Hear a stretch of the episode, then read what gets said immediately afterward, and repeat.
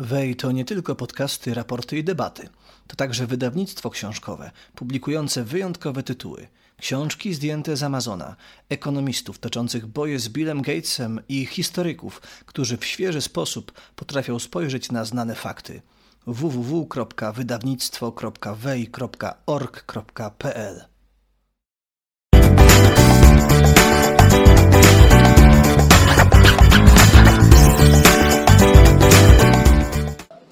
Cześć. Cześć, cześć, cześć Tomku. E, Wszyscy Cię znają, bo i telewizja, i YouTube, popularyzator Przesadzaj. nauki. No. Nie przesadzaj, No. że wszyscy mnie znają. Fałszywa skromność. E, Nie, nie, nie, nie. Wcale tak nie uważam, że wszyscy mnie znają, a czasami się zdarza, że ktoś zaczyna wywiad od hasła wszyscy cię znają i później ci, którzy mnie nie znają, Okej. mówią, to jest w ogóle Ale za właśnie ja do tego zmierzałem. Ja do A, tego zmierzałem, że chciałem Ci Czyli przedstawić. ci tak, Dobrze. spaliłeś mi Okej. zagajkę. Okej. Spaliłeś mi zagajkę, bo chciałem zacząć od tego, że wszyscy Cię znają jako popularyzatora nauki, a tak naprawdę to Ty jesteś przede wszystkim pierwotnie właściwie naukowcem, fizykiem, który zajmował się kiedyś e, tą e, dziedziną e, akademicko-naukową. Tak, chociaż ja e, taką tezę lansuję, że każdy się rodzi naukowcem. Bo jeżeli pomyślimy, kim jest naukowiec, jeżeli zastanowimy się, jakie cechy powinien mieć naukowiec, to tak naprawdę jak dziecko się rodzi, to jest po prostu stuprocentowym naukowcem. To znaczy używa wszelkich narzędzi, jakie ma. Intelektualnych, jak jest troszeczkę starszy, to jakichś narzędzi takich prawdziwych, tak dotyka i próbuje poznać świat wokoło. E, My dorośli na to patrzymy, czasami z politowaniem, czasami z przerażeniem. Wiecie, jak bierze szklankę i na przykład upuszcza i się dziwi nieskończenie, dlaczego niektóre przedmioty się tłuką, a inne nie? Dlaczego jedne na przykład są miękkie, a drugie są twarde? Dlaczego e, jedne są kwaśne? Daj małemu dziecku, no nie takiemu całkiem małemu, ale po raz pierwszy na przykład do spróbowania kawałek cytryny. I zobaczysz totalną fascynację w jego, w, w jego oczach, w jego spojrzeniu. Bo nagle doświadcza czegoś, czego absolutnie nigdy wcześniej nie doświadczył. Właściwie naukowcy to takie dorosłe dzieci. Tak, naukowcy to w dobrym tego słowa e, znaczeniu, rozumieniu. E, dzieci kojarzymy z kimś, i zresztą też niesłusznie, z kimś czasami mało rozgarniętym, z kimś, kto ma trochę ograniczone postrzeganie świata. Wydaje mi się, że dzieci są bardziej rozgarnięte niż dorośli, tylko mają mniej narzędzi do dyspozycji. E, Czasami mniej słów na przykład znają, więc nie wszystko potrafią precyzyjnie, precyzyjnie opowiedzieć. Natomiast ten proces myślowy w mózgu dziecka, nawet małego dziecka, jest dużo bardziej skomplikowany i dużo bardziej zaawansowany niż w mózgu osoby dorosłej.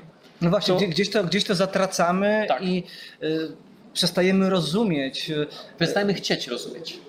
chcieć rozumieć. Tak myślę, że przestajemy chcieć rozumieć. Zaczynamy myśleć, że takie rozkminianie świata nie przyniesie niczego dobrego. Dobrze, że dobrze, dobrze, dobrze, dobrze, czasu. dobrze, dobrze, ale mamy ten internet i tam wszyscy cały czas coś Roz- rozkminiają. No pandemia była czasem, gdy ludzie mieli tylko internet i tylko rozkminiali. Właściwie i o tym bym chciał z Tobą y, porozmawiać, y, zmieszać te dwa tematy w jednym garnku.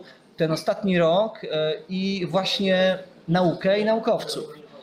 Bo o ile nauka i naukowcy cieszą się prestiżem. Jak ktoś zapyta w przeciętnego y, Kowalskiego przechodzącego tutaj ulicą, co sądzi o naukowcach, no no, potrzebni, tak? Naukowcy, poważna sprawa, tak? Ale z drugiej strony, tak mi się wydaje, ten ostatni rok to taki ogromny rok, to, to rok ogromnego zwątpienia w, y, w naukowców. Oni nagle okazało się, że ich rola jest y, tak dowartościowana politycznie, że ludzie zaczęli ich kojarzyć. To jest taka moja teoria z politykami. Y, te dwie grupy się zaczęły mieszać i, i ludzie przestali ufać y, nauce, naukowcom. Nie masz takiego wrażenia? Że to jest, ten rok testu nie został zdany pozytywnie? Odpowiem um, wymijająco. Zależy na które badania patrzysz. Bo są badania, z których wynika, e, że ludzie postrzegają naukowców dzisiaj dużo częściej niż na przykład rok czy dwa lata temu, jako tych, którzy, jeżeli ktokolwiek ma rozwiązać jakiś problem, to, to są to naukowcy, a nie politycy. Okay? I teraz oczywiście wiesz, badania tego typu, bardzo często zresztą oparte na jakimś rodzaju sondażu, albo, albo, albo jakiegoś rodzaju ankiecie, albo na jakimś głosowaniu, one e, są super pod warunkiem, że nie przywiązujesz do nich zbyt wielkiej wagi do jednego konkretnego badania, tylko raczej je widzisz w szerszym kontekście. Więc zależy od badania. Nie powiedziałbym, czy nie podpisałbym się jedną i drugą ręką pod tym, co ty powiedziałeś, że egzamin nie został zdany. Ja pisząc taki tekst pod koniec roku 2020 albo na początku 2021, ale podsumowujący rok 2020, napisałem i może się to wydawać totalnym jakimś nieporozumieniem, że to był rok triumfu nauki. Nie edukacji, tylko nauki. Bo nagle się okazało, że po to, żeby rozwiązać realny problem, z którym świat, którego świat zachodu, czy do którego nie był absolutnie przygotowany, chociaż naukowcy mówili, że powinien być przygotowany, ale nie był przygotowany. Mm, Problem, pojawił się problem, który w ogóle się wydawał totalnie abstrakcyjny. No bo gdzie w bogatych krajach Zachodu w XXI wieku ktoś mógłby przypuszczać, że zaczną ludzie umierać na chorobę zakaźną? Rozumiem daleka Azja, Afryka, Ameryka Południowa, bo tam bieda i tak dalej, ale Europa, ale Stany, ale Australia, to był totalny szok. I nagle się okazuje, no dobra, mamy konkretne wyzwanie. Kto potrafi teraz się z nim zderzyć? Politycy? Politycy mówili co drugie zdanie słowo nauka, naukowcy. Modele, modele tak, matematyczne. No ale to właśnie był ten moment, gdy y, zaufanie do nauki zaczęło erodować. Ten pierwszy y, lockdown y, wiosenny, słynne 14 dni dla ocalenia służby zdrowia i spłaszczenia krzywej przyrostu zakażeń, które się przerodziło w cały rok właściwie różnego rodzaju Chwila. obostrzeń. Pierwszego, pierwszy lockdown, tych 14 dni, był lockdownem, który był zarządzony zgodnie z naszą wiedzą i zgodnie z modelami matematycznymi, dokładnie w tym momencie, w którym powinien być zarządzony każdy lockdown. Mieliśmy pierwszą falę, czy nie? No, była, bo zaczęła się pandemia. No, Zaczęła się pandemia, ale nie tak. mieliśmy pierwszej fali. Włosi zarządzili lockdown ciut po nas, albo mniej więcej tak jak my, ale ich sytuacja była zupełnie inna, bo oni byli w zupełnie innym miejscu tej epidemii. W efekcie ich lockdown wtedy nie zadziałał, bo był ogłoszony za późno. Jakby Myśmy nie popełnili błąd Mhm. przy okazji drugiej fali. Pierwszej fali u nas nie było. Powodów, dla, której, dla których nie było, jest pewnie wiele. Myślę, że w ciągu następnych dwóch, trzech, pięciu, dziesięciu lat pokaże się wiele prac statystycznych, które na drobne będą e, rozkładały, które powody e, były tymi e, kluczowymi. Ale to, że lockdown był zarządzony wtedy, kiedy każdy tak zwany modelarz, czy ktoś, kto modeluje, próbuje modelować rzeczywistość, mówi, tak, lockdown powinien być na początku. Był na początku, pierwszej fali nie było. W drugim, e, we wrześniu, był zarządzony dużo za późno. Bo jeżeli miałby być zarządzony wtedy, kiedy był wiosenny, to powinniśmy mieć lockdown na początku września. A był dużo później. No Dobrze, ale to, są, ale to są te, te momenty, bo y, też pewnie ani ja, ani ty nie jesteśmy w stanie tutaj rozstrzygnąć y, precyzyjnie, którzy naukowcy od lockdownów mają rację, a przecież było tak, że nie było jednomyślnej zgody.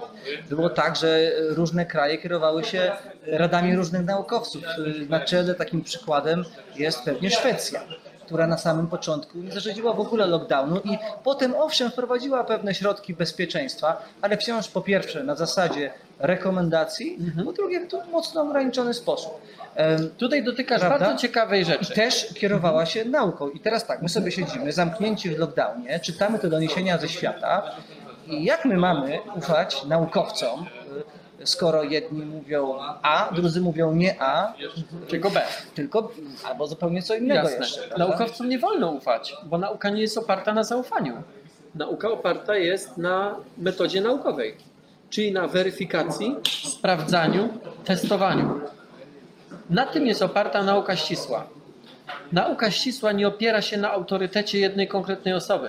To nie jest tak, że ktoś, kto jest mądry, jest nieomylny.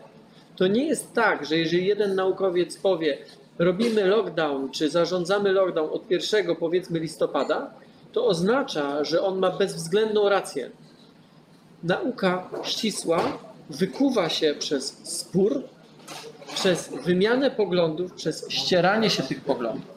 I więc mówienie, czy powinniśmy zaufać nauce, to ja nie do końca A wiem, co spór? masz na myśli. Y, y, Właśnie zaufać tej metodzie, bo ja mam wrażenie, że tego sporu nie było. To znaczy w danych krajach przyjmowano daną ortodoksję za, znaczy dane tezy naukowe za obowiązującą ortodoksję i się nimi kierowano i nie dopuszczano właśnie do dyskusji, No do ale sporu, sam bo... mówisz, że w różnych krajach było różnie. Tak, to tak, może ale było w Szwecji tak. nie było sporu co do tego, żeby nie było lockdownu, w większości. W Polsce nie było sporu co do tego, żeby był. Y, Jakby wobec Ale tego popatrz na dyskusja. finalny, ale już mówię, ale popatrz na jak gdyby na, na finał tej historii.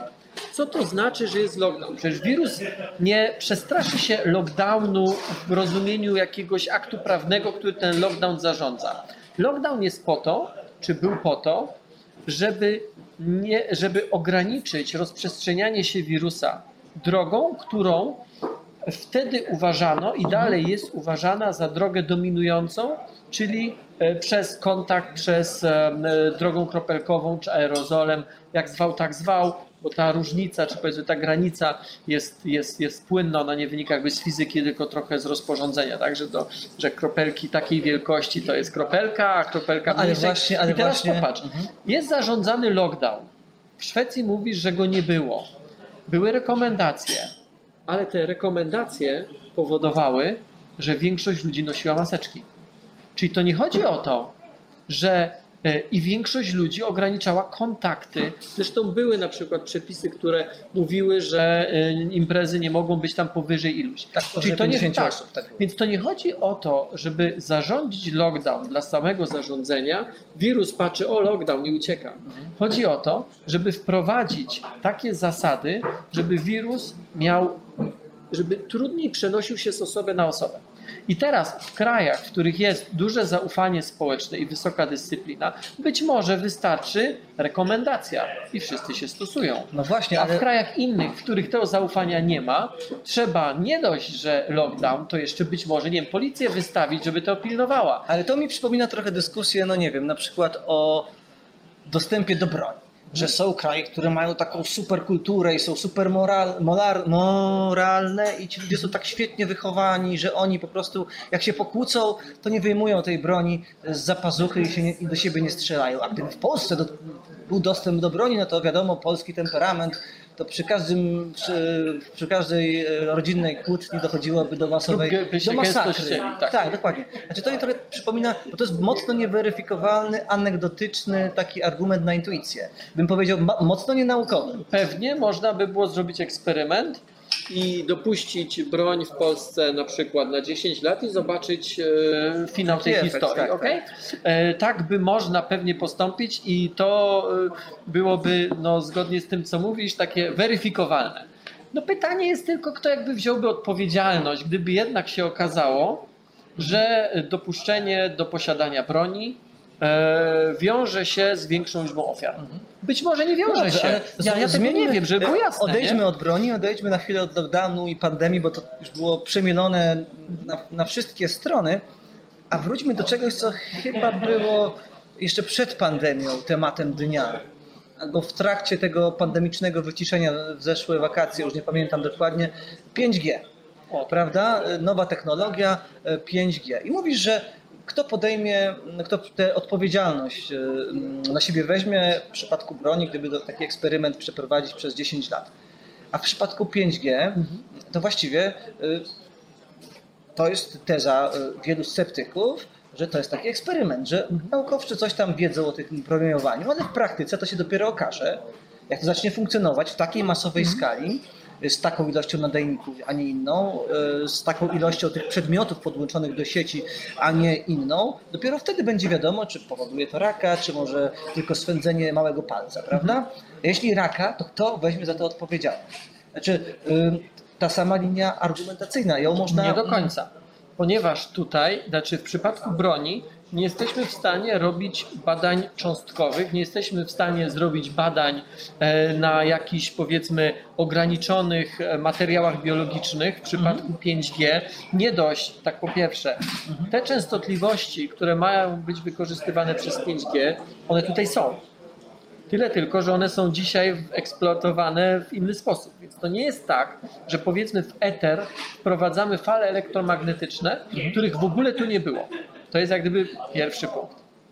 Kwestia druga jest taka, że jesteśmy w stanie całkiem sporo badań y, dotyczących fal elektromagnetycznych robić czy in vitro na komórkach, czy in vivo, czy jesteśmy w stanie robić na jakichś hodowlach tkankowych, czy nawet na zwierzętach. Trudno mi sobie wyobrazić zaprojektowanie eksperymentu, tak przeskakując jakby do tematu broni, trudno mi sobie wyobrazić zaprojektowanie eksperymentu, który dałby powiedzmy naukowcom jakiś taki, taki hint, tak? jak się to mówi, żeby wy- wyciągnąć z tego jakieś dane dotyczące y, tego, jaki byłby skutek wprowadzenia broni w Polsce. Ja nie jestem ani zwolennikiem tego, ani przeciwnikiem tego. Nie zajmowałem się nigdy jakoś tym tematem. Intuicja, która bardzo często sprowadza nas na manowce, raczej mi mówi, że im mniej, im trudniej dostępna będzie broń, tym lepiej.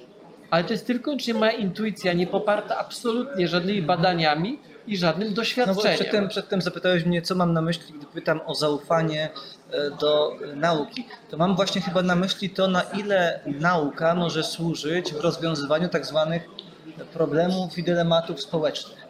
Dostęp do broni jedna rzecz, pandemia, walka z wirusem druga, nowe technologie, tak, czyli 5G trzecia. I A co masz na myśli mówiąc o il, No bo- na ile nauka? Masz No bo na myśli mówisz, konkretne że- badania? No, no mówisz, że 5G, no to nauka tutaj może, bo proszę bardzo, mamy takie, takie Ma metody. większe możliwości No niż w przypadku badań powiedzmy Tak. behawioralnych, psychologicznych czy socjologicznych, bo chyba tak powinniśmy definiować te związane Jak z ja, jako ktoś, kto studiował filozofię, no coś tam może metodologii nauk liznąłem, mam jakieś dla nich zrozumienie, ale nie jestem specjalistą. To co taki ja, albo taki inny Kowalski, czy inny Zieliński y, może wiedzieć o tym, gdzie tę naukę można aplikować, a gdzie trzeba zdać się na innego rodzaju instancje, y, bo czy, czy to wszystko nie zmierza do takiego, jak do takiej naukowej technokracji. W przypadku pandemii niektórzy mówili o sanitaryzmie, że rządy przejęli lekarze, epidemiolodzy, którzy wiadomo tkwią w bańce, więc wszystkie problemy im się wydają epidemi- epidemiologiczne, prawda? E, Rozumiem te argumenty. Prawda? Czy to nie, Rozumiem nie prowadzi do takiego, takich rządów naukowców, które mają w sobie coś z totalizmu? Owszem, być może dla naszego dobra, ale mimo wszystko.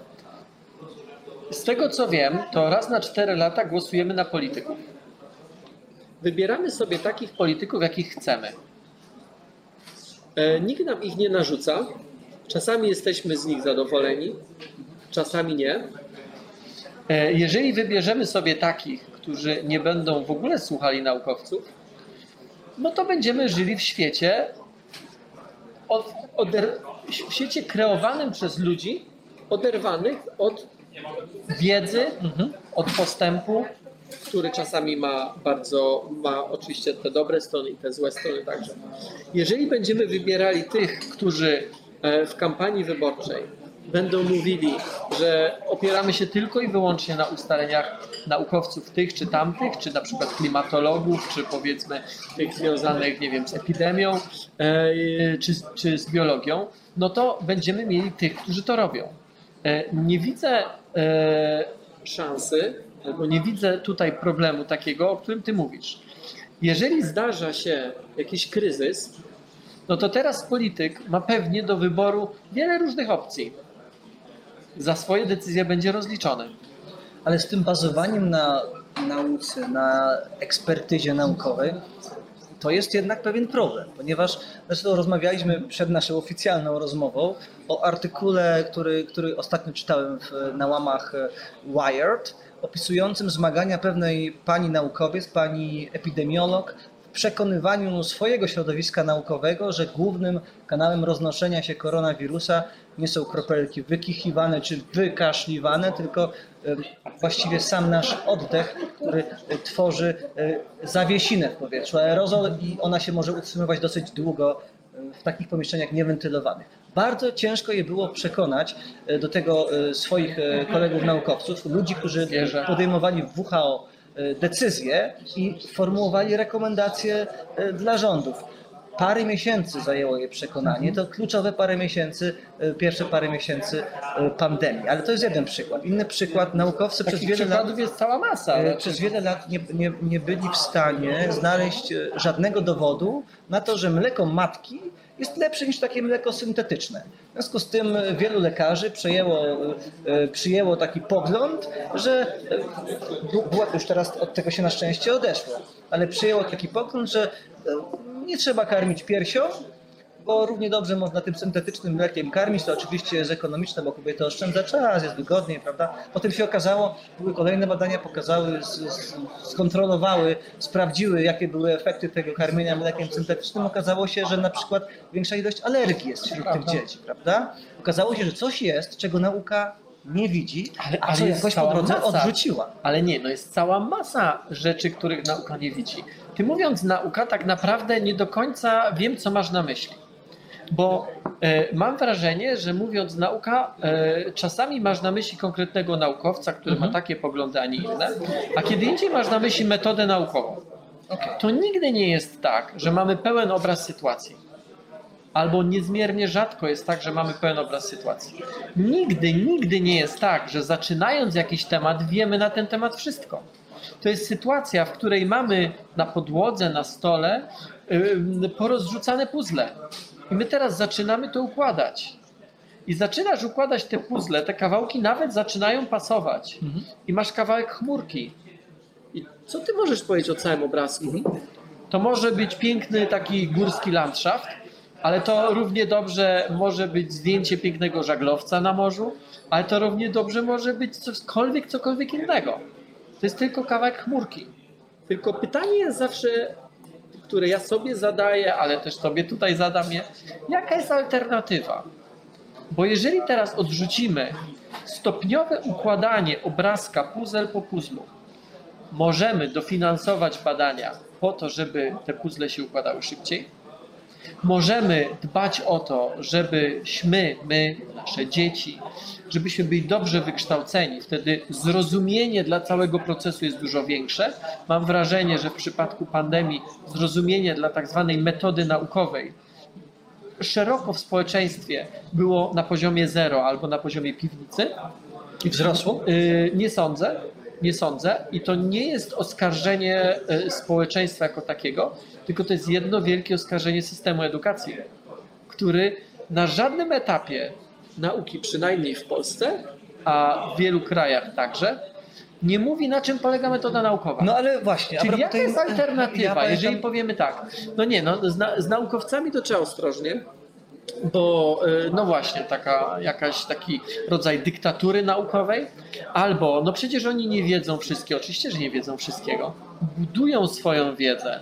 100 lat temu ludzie nie wiedzieli wszystkiego wielki Albert Einstein śmiał się z Edwina Hubble'a, bo Albert Einstein mówił, wszechświat jest stacjonarny, tam się nic nie zmienia. A młody Edwin Hubble, młody chłopak, który był na tyle młody, że chciało mu się na, w obserwatorium na Mount Wilson prowadzić em, obserwacje, co wtedy y, no, było trudne, dlatego że trzeba było tam wejść, trzeba było otworzyć dach, było piekielnie zimno, trzeba było przez wiele godzin naświetlać i nagle się okazuje, że on patrzy, te obłoczki takie, które miały być jakimiś obłoczkami, to są inne galaktyki. I co więcej, patrzy, one się rozszerzają. I młody, no nie chcę powiedzieć szczyl, bo on już był gościem na postdoku chyba, e, no, konfrontuje się z wielkim Albertem Einsteinem, jest kupa śmiechu, tak? On mówi, co on gada? Przecież wszechświat jest stacjonarny. Mijają, mija kilka lat, może kilkanaście i Albert Einstein mówi, myliłem się. Tylko jakby mówię o tym Na szczęście przykładzie. to były tak abstrakcyjne zagadnienia wówczas, że nie miały praktycznych przypadku- konsekwencji dla zwyczajnych ludzi. Yy, nie do końca tak jest, bo yy, jak jest, no jesteś filozofem, więc e, te, na tym poziomie filozofii czy teologii to miało zasadnicze znaczenie, bo nagle jedną obserwacją okazało się, że coś, co miało być całym wszechświatem i co było tylko naszą galaktyką, nagle okazało się, że jest małym okruszkiem. Okej, ale takich przykładów jest naprawdę dużo. Mówisz o tej pani naukowiec. Jasne, że jest mnóstwo czynników, które wpływają na to, co mówią i co robią naukowcy. Ale wracam do tego, o czym powiedziałem wcześniej. Nauka nie wykuwa się w jednym instytucie, w jednym eksperymencie, czy w głowie jednego naukowca, tylko wykuwa się przez spór. Ale to, to ja mówiąc szczerze pamiętam siebie, jak tłumaczyłem dokładnie to samo, co ty teraz mi tłumaczysz, koleżance, która zapytała mnie u progu pandemii, było takie pytanie, ty w ogóle wierzysz w tego wirusa, nie?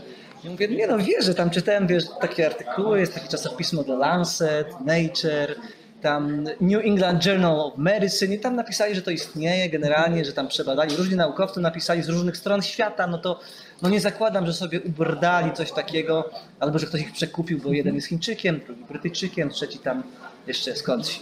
A ona nie nie, ale wiesz, ale, ty, ale ty, czy, czy, te czasopisma są wiarygodne? No ja te, zacząłem tłumaczyć, że tam jest proces peer review, te recenzje, że oni tam się faktycznie naparzają, bardzo ostro krytykują i przechodzi tylko to, co najlepsze. Potem, w miarę tej całej pandemii, różne rzeczy zaczęły wychodzić na jaw. A propos na przykład tych czasopism. Ostatnio okazało się, że Nature oprócz czynnika naukowego i metody naukowej promuje też e, metodę polityczną, czyli w zależności gdzie publikuje swoje e, wydania, to tak dostosowuje język. I na przykład okazało się, że jeszcze przed pandemią, publikując cokolwiek e, w Chinach, Nature cenzurowało swoje publikacje o słowo Tajwan, o słowo Tybet i tam jeszcze parę innych słów. Dokładnie tak samo jak stacje jest... newsowe, międzynarodowe, które e, emitują swój sygnał, czy wypuszczają swój sygnał Ale newsy to jest klik, klik, bajt, czy zarobki, Nie no wiesz, no to jest, ale słuchaj, Tutaj to są dokładnie... obiektywizm i, i prawda. No tak, tylko widzisz, e, skąd ty to wiesz, że tak rzeczywiście jest? No bo to sprawdziłeś. Od, od twojego mm, brytyjskiego, mm, że tak powiem, znajomego, znajomego Mata Ridleya. To no jest super, no, informacja, ale którą jest, on kolportuje. Świetnie, ale czy to nie jest właśnie e, dowód na to, że tak zwana metoda naukowa, nawet na tym poziomie popularno-naukowym, czy w popularyzowaniu nauki działa? Przecież ludzie nie są nieomylni. Natomiast e, w przypadku nauk ścisłych działają mechanizmy, które oczywiście nie powodują, że, że gracze stają się nieomylni, tylko powodują, że są pewne zabezpieczenia, które po czasie czasami, ale nie czasie idącym w dziesiątki lat, tylko w miesiące, czasami w, w lata, jednak się okazuje, ten był przekupiony albo się pomylił, bo eksperyment został powtórzony i dał inny wynik Albo ktoś mówi, chwila, oburza mnie to, że Nature tam publikuje to, a tu publikuje co innego. To jest dowód na to, to o czym ty powiedziałeś, że jest pani naukowiec, która na początku pandemii uważała, że pewne um, zasady czy pewne, pewne rekomendacje WHO były błędne.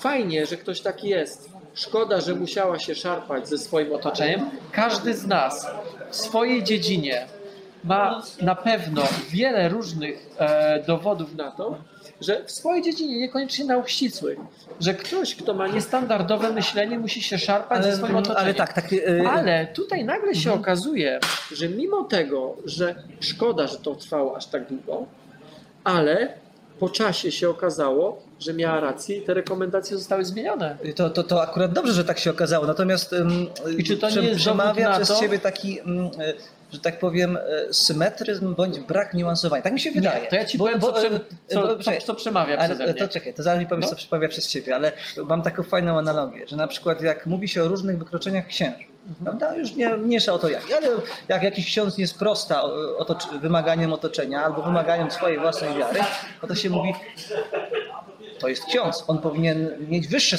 jeszcze wyższe standardy niż, ten, niż ta jego owieczka, no bo ma być wzorem do naśladowania. On, proszę bardzo, zrobił to, to i to. Tak samo, dlaczego? Bo ma wpływ na otoczenie znacznie większy niż ta pojedyncza owieczka.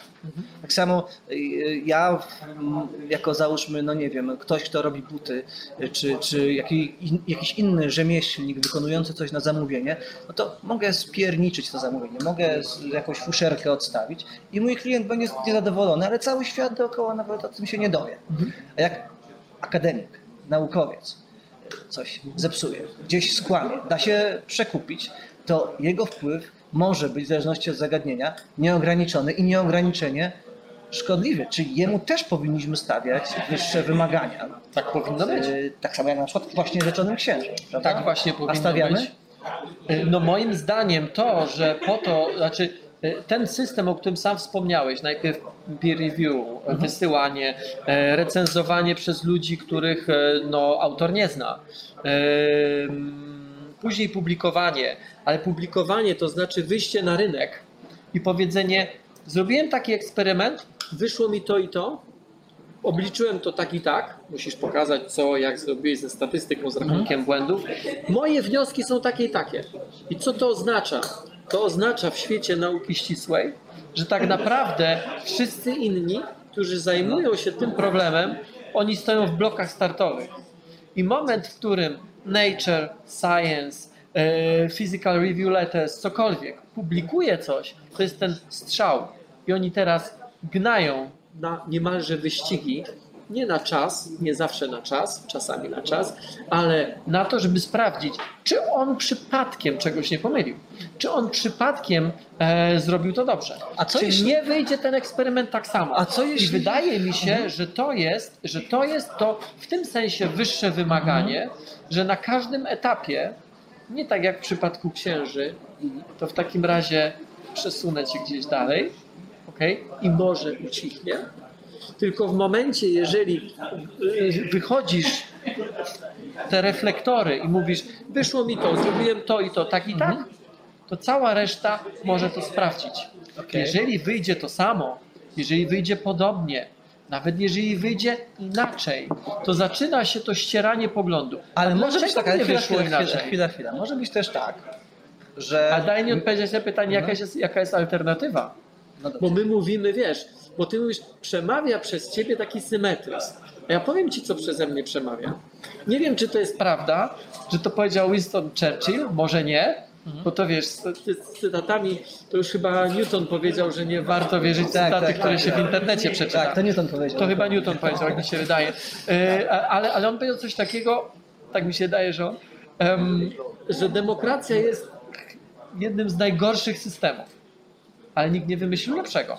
No więc pytam o alternatywę. A propos, a Albo demokracji. co przeze mnie przemawia? Przeze mnie przemawia przekonanie, że ze wszystkich tych metod, które mamy dzisiaj dostępne, te, które wypracowały nauki ścisłe, nie są doskonałe, ale są najlepsze, które mamy. Więc jaka jest alternatywa?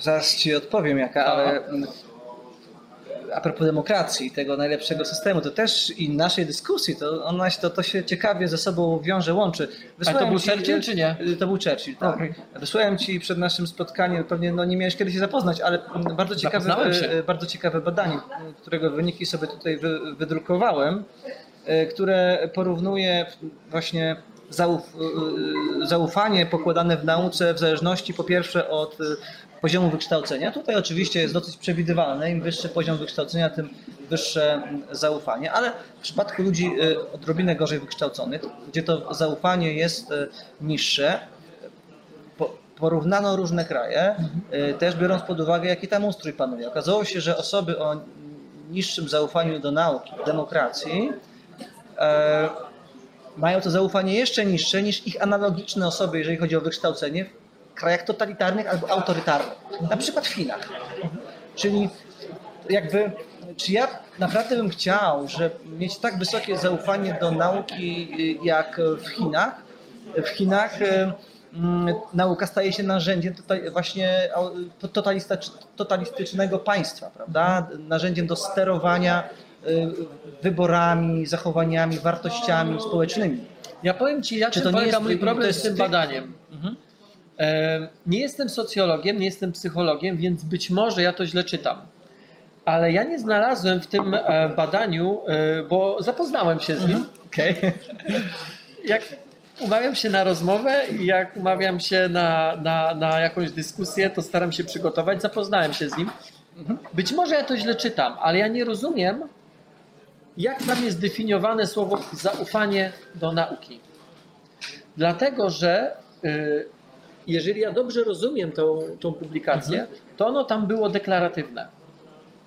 I teraz, I teraz, czym innym może być, czy inaczej może rozumieć słowo zaufanie nauce, naukowcom ktoś w kraju totalitarnym, a inaczej w kraju demokratycznym. I ci już mówię, na, dlaczego przyszło mi to do głowy. Są takie badania robione dosyć regularnie wśród dzieci i wśród młodzieży. I um, od lat kilku, chyba kilkunastu, ale nie jestem tego pewien, bo od kilku śledzę te badania, w krajach takich jak chociażby Chiny, e, jak pyta się dzieci i młodych, młodych ludzi, także młodych dorosłych, e, kim chcieliby zostać zawodowo, to mówią naukowcem, inżynierem. Dlaczego? Dlatego, że w takich krajach e, bycie naukowcem czy inżynierem to jest jedna z najprostszych dróg na awans społeczny, także awans finansowy, a także możliwość otwarcia na świat. Gdzie dokładnie te same badania, one są robione w wielu krajach świata, w tak zwanych krajach zachodu, e, najwięcej dzieciaków odpowiada, że chce być kim? Influencerem. Influencerem albo youtuberem. No z tych samych Dlaczego? powodów, bo Z tych jest... samych tak. powodów. Dlatego, że w tym świecie zachodu, przynajmniej tak się tym młodym ludziom wydaje, że najprostszym sposobem na to, żeby, że tak powiem, się wywindować, żeby wyskoczyć na trampolinie, jest włączenie kamery i gadanie czegoś tam. Więc, więc e, to są te same motywy, ale zupełnie inna droga dojścia. Ja zastanawiam się, co statystyczny Chińczyk albo Rosjanin, albo ktoś, kto żyje w kraju niedemokratycznym, ma na myśli, gdy ktoś go pyta, czy ty masz zaufanie do nauki, do naukowców, w sytuacji, w której on wie, że to jest być może jedna z nielicznych dróg na to, żeby jakoś finansowo się uniezależnić, równocześnie może niespecjalnie iść we współpracę czasami z reżimem, a na pewno mieć możliwość, nie każdy ją finalnie będzie miał, ale jeżeli mówimy o tym jak o drodze, to jest to jeden ze sposobów na to, żeby być może przynajmniej na stypendium wyjechać za granicę, żeby mieć jakiś stały kontakt za granicą, także mieć możliwość zarobienia konkretnych pieniędzy. No, y, no tak, tak może I to być. jest mój problem z tym badaniem, że tam nie jest do końca e, weryfikowalne No nie wzięto pod uwagę może tej właśnie zmiany. porównywalne, tak, Co to znaczy zaufanie w nauce? Ale z drugiej strony, nauki? co, co jest ciekawe w tym badaniu, to y, to, że z niego wynika, że takim pośrednikiem w budowaniu zaufania do nauki jest państwo. Y, I jak spada zaufanie do instytucji państwowych, to spada zaufanie do nauki. To jest właśnie to, co wynika z tego badania, jeśli chodzi o demokrację. Z kolei w systemach autorytarnych, azjatyckich zwłaszcza, no mówimy przede wszystkim mówimy się o, o Chinach tak naprawdę, przez to, że tam nie ma przepływu idei, tam nie ma porównania y, tego, co myśli Chińczyk z tym, co myśli Amerykanin, bo nie ma serwisów społecznościowych zagranicznych. Y, Udało się chińskiemu rządowi wytworzyć dosyć duży poziom zaufania do samego siebie. Partia dostarcza dobrobyt Chińczykom, w związku z tym wciąż za tym jedzie. Wiesz, nie wiem e, na jakiej podstawie, znaczy ja nie znam badań, które by potwierdzały to, co ty teraz mówisz. To znaczy, gdyby zapytać na przykład naszych rodziców, czy mieli zaufanie do PRL-u? Ale PRL nie budował ich dobrobytu w taki sam sposób jak Chińczycy. Wiesz co, Zagierka nie jestem pewien, czy, czy, czy to tak nie działało. Nie mam takiej pewności. I teraz wiesz, teraz sobie Ty się wyobrażam, urodziłeś za Gierkę, tak? Czy już po? ja się urodziłem przed. Taki stary jestem, w 76, a wydaje mi się, że Gierek albo w trakcie, no, kiedy Gierek być- przyszedł? Wydaje mi się, że w trakcie. Michał, piąty mi się wydaje. To się urodziłem za Gierka. No właśnie. O, w każdym razie, gdyby ktoś zapytał moich rodziców, to zastanawiam się, co oni by odpowiedzieli. Oni działali w opozycji demokratycznej, ale wiesz, wyobrażasz sobie, że ktoś, nie wiem, na ulicy na przykład podchodzi w głębokim PRL i mówi, czy pan ma zaufanie do rządu, do partii, do tego, co się tu dzieje? Okej, I, co, czyli I co odpowiada statystyczny Chińczyk? Nie mam pojęcia. Czy byłem w Chinach kilka razy e, i oczywiście moja wiedza na temat Chin to jest, wiesz, taki głęboki ocean, a ja jestem tak na na, samej, na samiutkiej powierzchni, tak momentami nawet nie dotykam tej wody, więc taka jest moja wiedza o Chinach. Natomiast nie wiem, czy uzasadnione jest porównywanie e, statystycznego Chińczyka do statystycznego em, Polaka w PRL-u. Jest milion, milion rzeczy, które różni te, te, te dwie osoby, te dwie sytuacje. Natomiast być może pewne mechanizmy, jakie czysto psychologiczne, są podobne. E, I, I w jednym i w drugim Mhm. przypadku jednak bycie inżynierem, bycie naukowcem e, to był sposób na to, No żeby, ja- żeby wyskoczyć. Mhm. Ja, bo chciałbym A w zide- demokracji on już nie jest. Chciałbym zidentyfikować taki fenomen, który y, jako Warsaw Enterprise Institute, no, my jesteśmy organizacją, która się porusza w środowisku tak zwanym wolnościowym, prawda? Czyli gdzieś no, te wartości, wolność osobista, prawda, tutaj nam przyświecają. I, I jest taka grupa ludzi w Polsce, która ma specjalne przywiązanie do tych wartości. I bardzo często y, obserwowałem właśnie w trakcie pandemii wysoki sceptycyzm wobec tego, co się, co się mówi o pandemii właśnie y, ustami naukowców. Y, wręcz negację. A na I- podstawie. I, i, nie, i, to- odrzucenie to nie pochodziło, bo to niektórzy powiedzą, a szuria. Szuria, tam, że... Nie, ja tak nie prawda? Znaczy to już... y, Tak. y, Nie, to inteligentni, Ale na jakiej y, podstawie wysoko oni- wykształceni ludzie Jasne. bardzo często podważali, mówiąc, no nie, no przecież to jest jakaś e, bzdura i coś tam, coś tam dorzucali, jakieś, e, jakieś całkiem czasami racjonalnie brzmiące uzasadnienie. Więc zastanawiam się, czy tak naprawdę mm, to e, był objaw podważania tych teorii tych naukowców, czy, czegoś, czy to był objaw czegoś innego.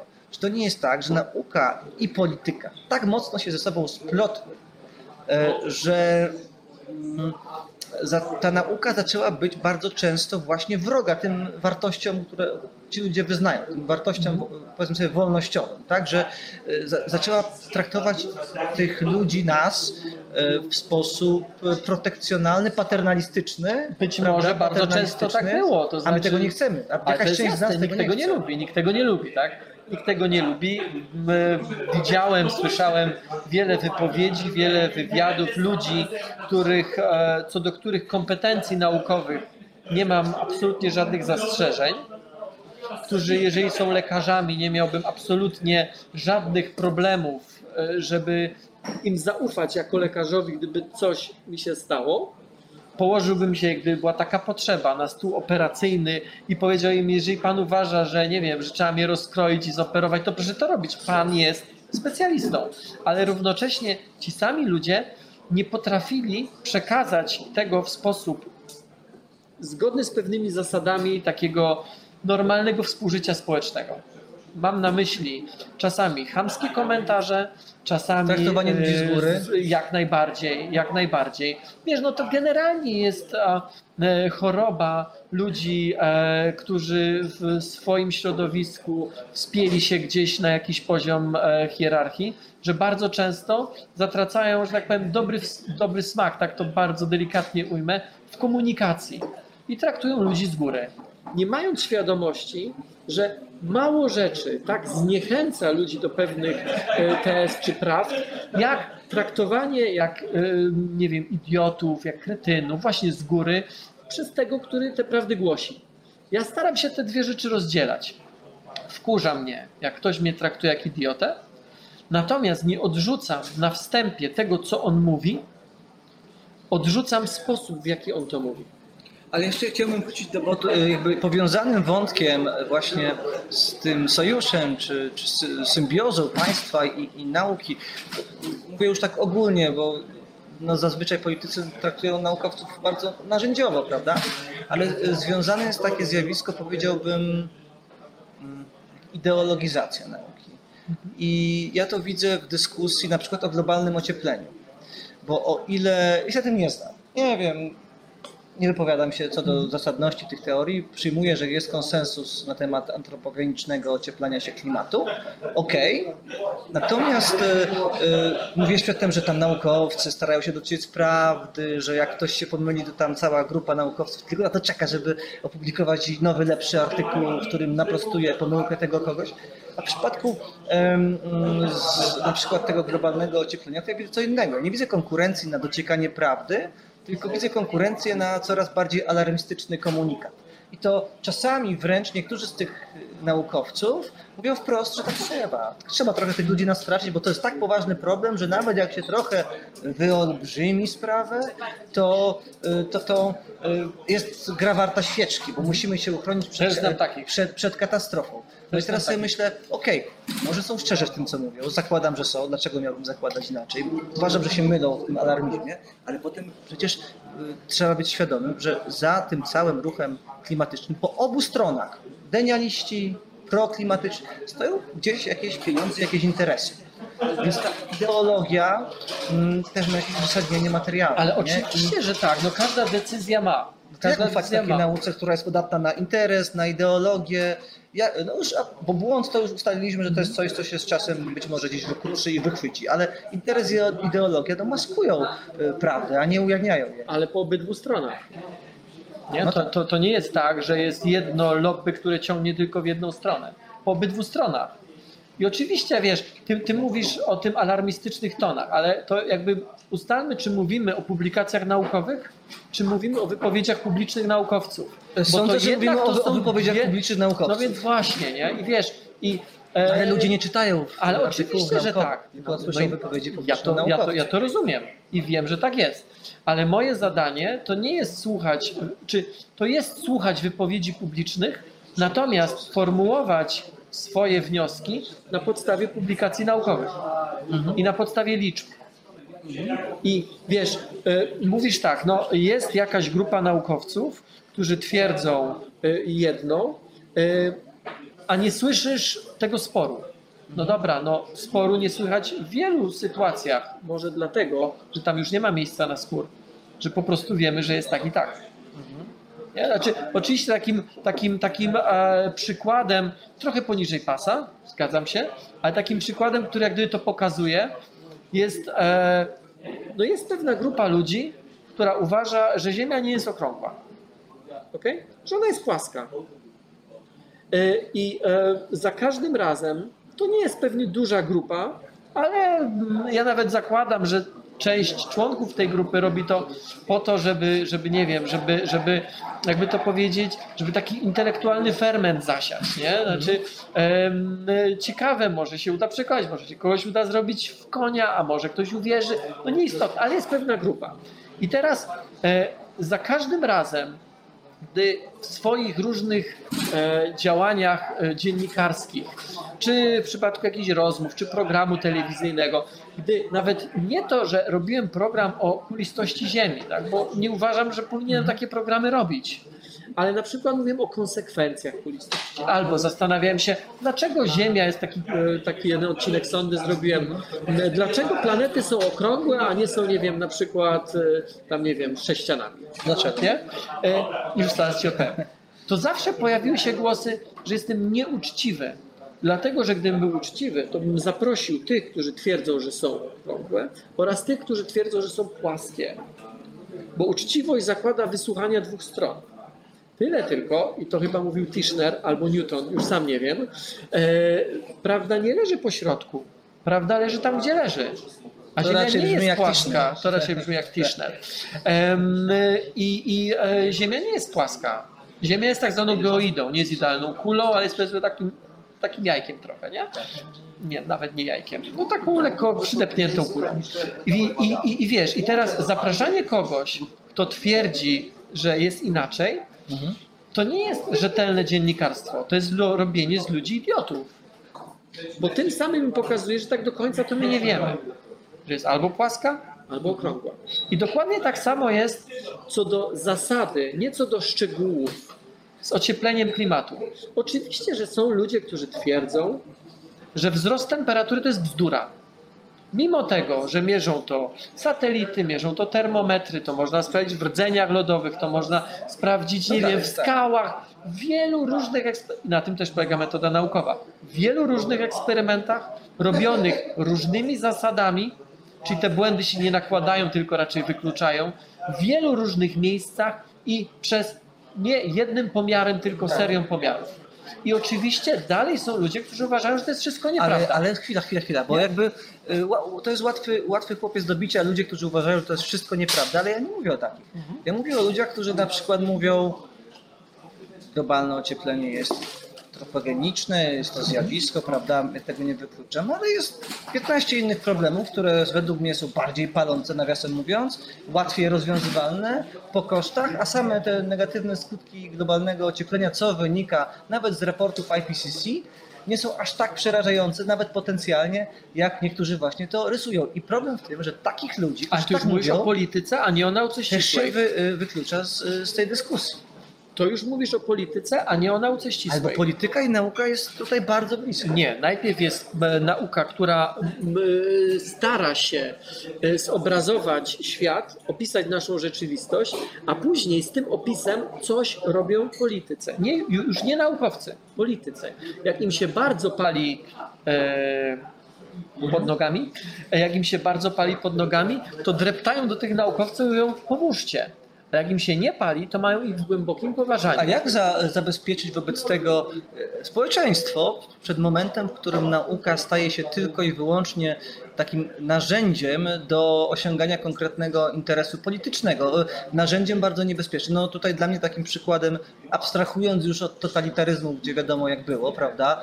W Niemczech e, nauka miała uzasadnić, że Żydzi są pod ludźmi. e, w Szwecji miała uzasadnić, tak, że... ale właśnie eugenika, bo jak do, do, do, do tego chciałbym dojść. Wiadomo, że w ZSRR nauka była, e, naukowa była tylko teoria Marksa i Engelsa, ewentualnie leninizm, stalinizm, e, dialektyka i tak dalej, to to były naukowe metody. Natomiast e, eugenika, bo ta eugenika trochę tak czasami wraca do nas. E, W dwudziestoleciu międzywojennym to, to był poważny ruch, e, który... Jeszcze w latach 60. Tak. przecież chyba w krajach skandynawskich, e, czy 50. czy 60. kastrowano na przykład Jakbyś ludzi, zapytał którzy... kogoś, czy to jest naukowe, Ale to jest oczywiście, naukowe. że jest naukowe. Jasne, że tak. Nauka wykuwa się przez spór. Nauka to nie jest jedna droga, którą idzie rzesza naukowców. Wracamy do tego, o czym mówiliśmy wcześniej. To nie jest droga idealna, łaska i taka, wiesz, jak autostrada.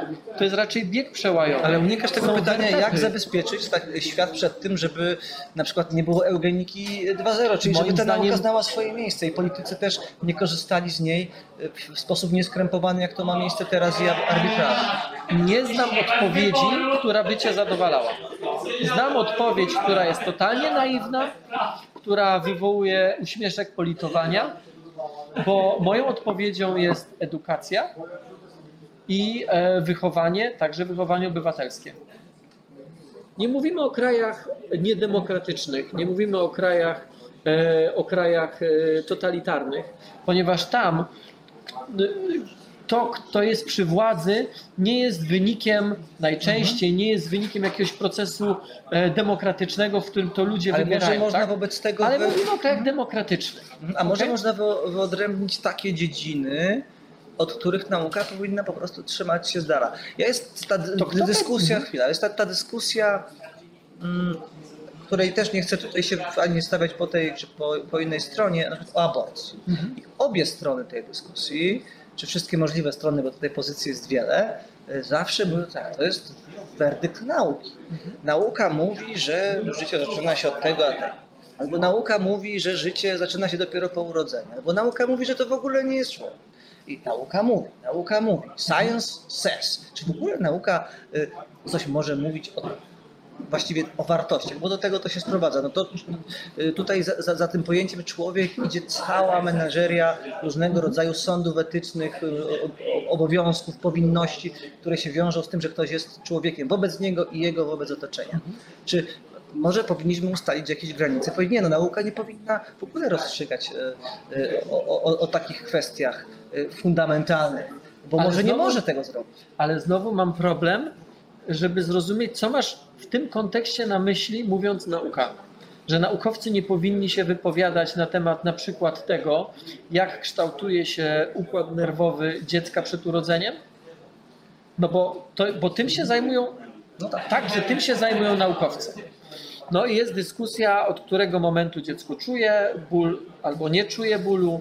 E, No, jeżeli powiemy, naukowcy nie powinni się tym zajmować, to postulujesz, czy raczej postulujesz to, że naukowcy powinni się tym zajmować? Nie, oni się tym zajmują, ale, nie powin... ale ich y, ustalenia mają charakter opisowy, a nie powinny być traktowane jako ustalenia normatywne w kwestii aks- wartości, wartości No dobrze, ale to przecież nie naukowcy głosują ustawy za albo przeciwko. Oni dostarczają informacje. Teraz tu wracamy do tego, czym mówiliśmy wcześniej. Naukowcy próbują opisać świat. Czy świat, powiedzmy, dziecka, kobiety, człowieka, od momentu zmieszania się tam materiałów genetycznych komórki i plemnika do śmierci, albo są tacy, którzy o czarnych dziurach, albo wirusach. Starają się, nie bez błędów, ale obstaję przy tym, co mówiłem wcześniej, że metoda naukowa i system weryfikacji w naukach ścisłych i nie jest doskonały, ale nie mamy niczego lepszego. I dostarczają pewien obraz rzeczywistości. A teraz na podstawie tego, czasami dziurawy, czasami do korekty, ale jakiś obraz rzeczywistości. I teraz na podstawie tego obrazu rzeczywistości my, wyborcy, my, obywatele, my, politycy albo politycy, których my, my, my wybierzemy, czasami bardzo wybiórczo, czasami bardzo opacznie podejmują jakieś decyzje. I podejmują decyzje na przykład o eugenice, podejmują decyzje o tym, że jedni są ludźmi, a drudzy są nad ludźmi, a trzeci są pod ludźmi, na podstawie tego, co ustala nauka, nakładając na to swoje interpretacje. Najczęściej nie mając absolutnie żadnych kompetencji, tak swoją drogą, i bardzo często korzystając z jednostek naukowców, którzy z różnych powodów, czy poglądów politycznych, czy chęci awansu, czy chęci zarobienia pieniędzy, dają swoją twarz. I popełniany jest ten błąd bardzo często. Wychodzi ktoś przed kamerę albo na mównicę, ma tytuł profesora i zaczyna mówić w imieniu nauki. I to jest ten problem, o który ja kilka razy w czasie naszej rozmowy Okej, pytałem. no to jakie byś Co masz na myśli, mówiąc nauka? Masz na myśli konkretnego gościa, który obrażał wszystkich jak leci, którzy nie mieli tego poglądu, który on miał? Czy masz na myśli publikacje naukowe? Czy masz na myśli grupę badaczy? Co konkretnie masz Mam na myśli? myśli y, y, świat nauki, czyli mam na myśli y, wszystko to, o czym, to, co wymieniłeś, bo tak naprawdę y, ktoś, kto nie jest naukowcem, nie przeprowadza tego subtelnego rozróżnienia na naukowe papery, y, na naukowe Dlaczego? felietony i na wypowiedzi. Ale dlaczego tak jest? No, prawdopodobnie ze względu na to, że nikt nas Tego nie nauczył. Nie, nie wyedukował. Nikt Tak. nas to nie nauczył. Jesteśmy, wiesz, ja tak sobie czasami, e, no, e, czasami próbując zrozumieć albo próbując jakoś sobie tak to poukładać w głowie, żeby móc innym o tym opowiedzieć, wizualizuję sobie pewne sytuacje. I czasami myślę, że jesteśmy w takiej dżungli, totalnej dżungli informacyjnej.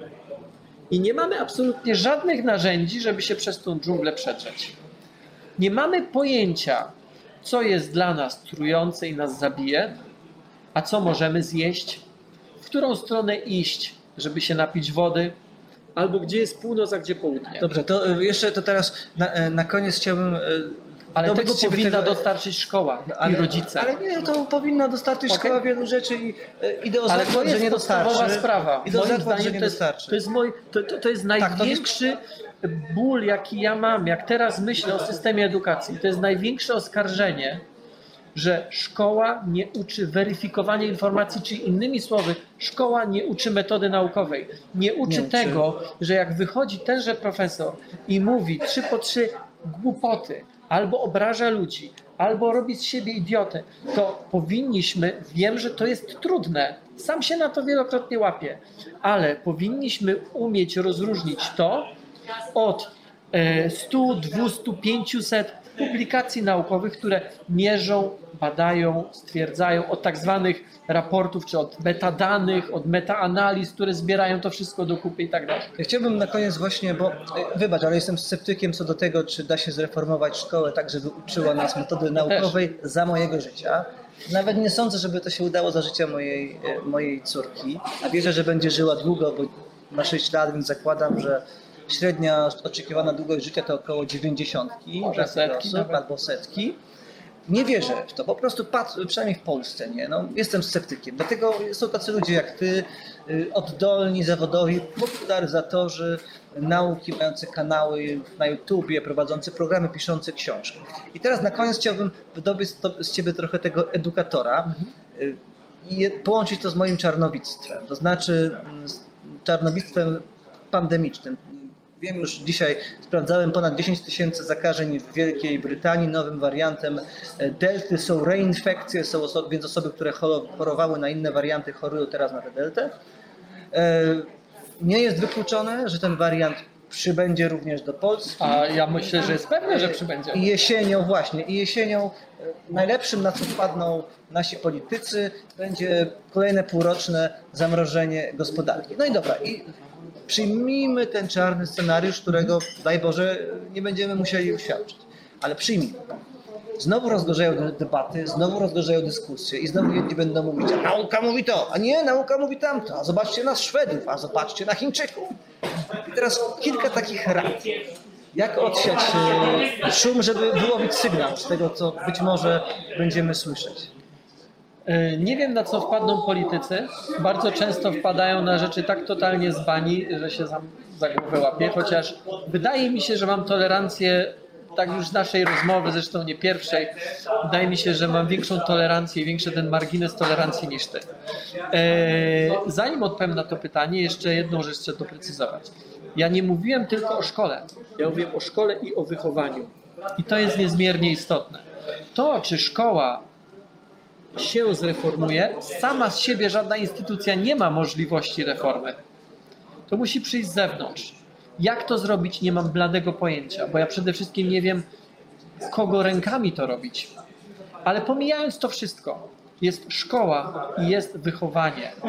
Innymi słowy, e, wśród wielu, wielu niebezpieczeństw technologii cyfrowych, te technologie mają jednak dużo zalet, a jedną z tych zalet jest to, że ty jako ojciec swojej sześciolatki jesteś w stanie mimo szkoły albo obok szkoły, albo wbrew szkole czasami, przekazać jej pewną wiedzę i przekazać jej pewne wartości, które co prawda powinna zrobić szkoła, ale tego nie robi i tego nie zrobi. Najpewniej to nie zrobi, choć tutaj taki, taka gwiazdka. Nie chcę uogólniać, bo znam nauczycieli, którzy to robią. Niestety nie dzięki systemowi, tylko czasami wbrew albo pomimo. Więc to jest jak gdyby pierwsza sprawa. Nie trzeba być czarnowidzem. Trzeba spojrzeć na to w ten sposób, że mamy narzędzia do tego, żeby jak gdyby obok szkoły pewien, nie wiem, taką pewną ścieżkę edukacyjną dla swoich dzieci stworzyć i technologie, czy takie platformy jak chociażby YouTube, ale nie tylko YouTube, stwarzają się takie możliwości. Dobra, to teraz Jeżeli chodzi o październik, o wrzesień, nie wiem jak będzie. Mogę Ci powiedzieć, co dzisiaj mówią y, symulacje i modele matematyczne. Mówią one, że tak, na jesień będzie wzrost. Ale ten wzrost będzie inny niż ten poprzedniej jesieni czy tegorocznej wiosny. Ten wzrost będzie dotyczył raczej ludzi młodych, zwiększy się liczba hospitalizacji, ale na dzisiaj nic nie wskazuje, żeby zasadniczo zwiększyła się śmiertelność, czy liczba powiedzmy tych nadmiarowych zgonów. Mam nadzieję, że nikt nie wpadnie na pomysł, który e, nie wiem na jakiej podstawie był podjęty, e, czy decyzja była podjęta. E, Nie znam badań, na podstawie których można to było taką decyzję podjąć, a mianowicie zamykania szpitali i przychodni dla osób chorych na inne choroby niż koronawirus. Uważam, że to był błąd. Błąd także, nie tylko, ale także, takim powiedział, wizerunkowy dla służby zdrowia. Sytuacja, w której ludzie przestają ufać lekarzowi, pielęgniarce, szpitalowi czy służbie zdrowia, jest sytuacją tragiczną. A tak się właśnie stało. Ze względów różnych, także tych błędnych decyzji, ale także bardzo często pojawiających się różnego rodzaju fejków i um, hipotez, które nie miały absolutnie nic wspólnego z prawdą, które bazowały często na pojedynczych przypadkach wyciąganych do sztandaru i pokazywanych ludzi, którzy na przykład w szpitalu nie przyjmowali, no bo mogli to, a prywatnie przyjmowali, tylko trzeba było zapłacić, nie? Jeżeli teraz opiszesz to na okładce Super Expressu albo Faktu, z automatu myślisz, że tak działają wszyscy. Pracowałem przez czas jakiś jako wolontariusz na oddziale covidowym.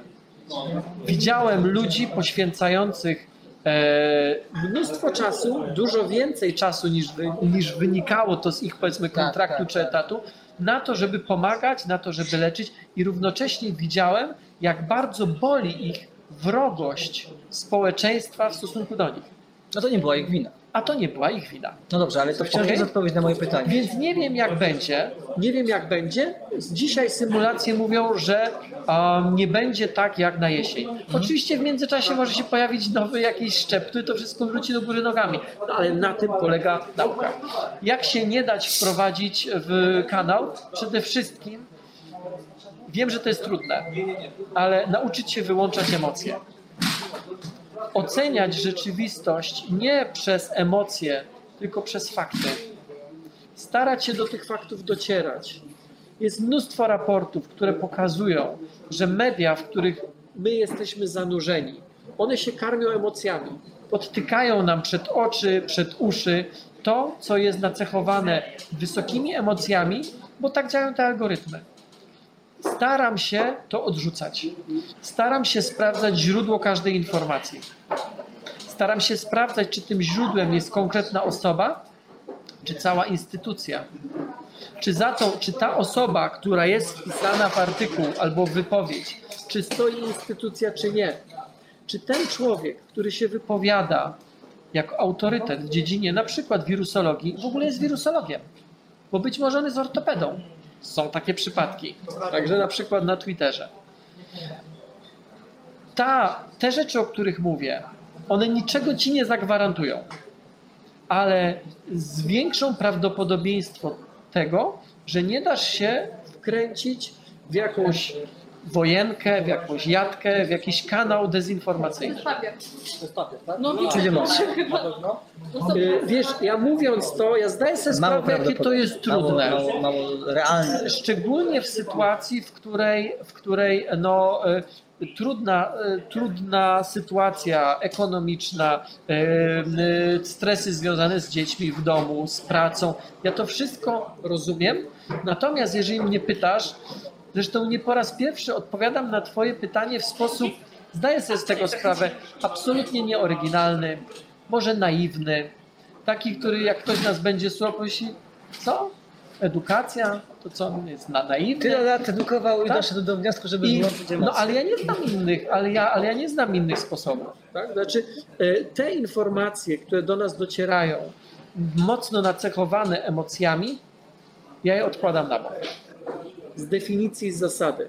Te tak zwane, wiesz, przysłowiowe żółte paski, które gdzieś tam latają, albo tytuły z wykrzyknikami, ja je wszystkie odrzucam na bok. Są instytucje, do, y, które, y, czy instytucje, czy miejsca, także w internecie, y, w które zaglądam bardzo często i na ich podstawie buduję swój pogląd na jakiś temat, za każdym razem sprawdzając podobne doniesienia gdzie indziej. Znowu, to nie gwarantuje niczego na 100%, ale to zwiększa prawdopodobieństwo, że będę bliżej stanu rzeczywistego, albo przynajmniej będę bliżej tego stanu, w jakim jest wiedza nasza dzisiaj. A to, że w styczniu, w lutym, w marcu 2020 roku wiedzieliśmy o koronawirusie, o tym konkretnym, konkretnym koronawirusie, wiedzieliśmy bardzo mało i poruszaliśmy się często po omacku. No tak to działa, tak, tak działa nauka. Tak? Znaczy, wiesz, no, jak odkrywasz nową planetę, to nie wiesz o niej wszystkiego. Na początku ci się wydaje, że jest skalista, później wiesz, no zaczynasz ją badać bliżej, robisz kolejne analizy, obserwujesz, wiesz coraz więcej, już zaczynasz wiedzieć, jaki ma okres obrotu, zaczynasz wyciągać wnioski co do jej masy, ewentualnie może innych rzeczy. Na wstępie nigdy nie wiesz wszystkiego.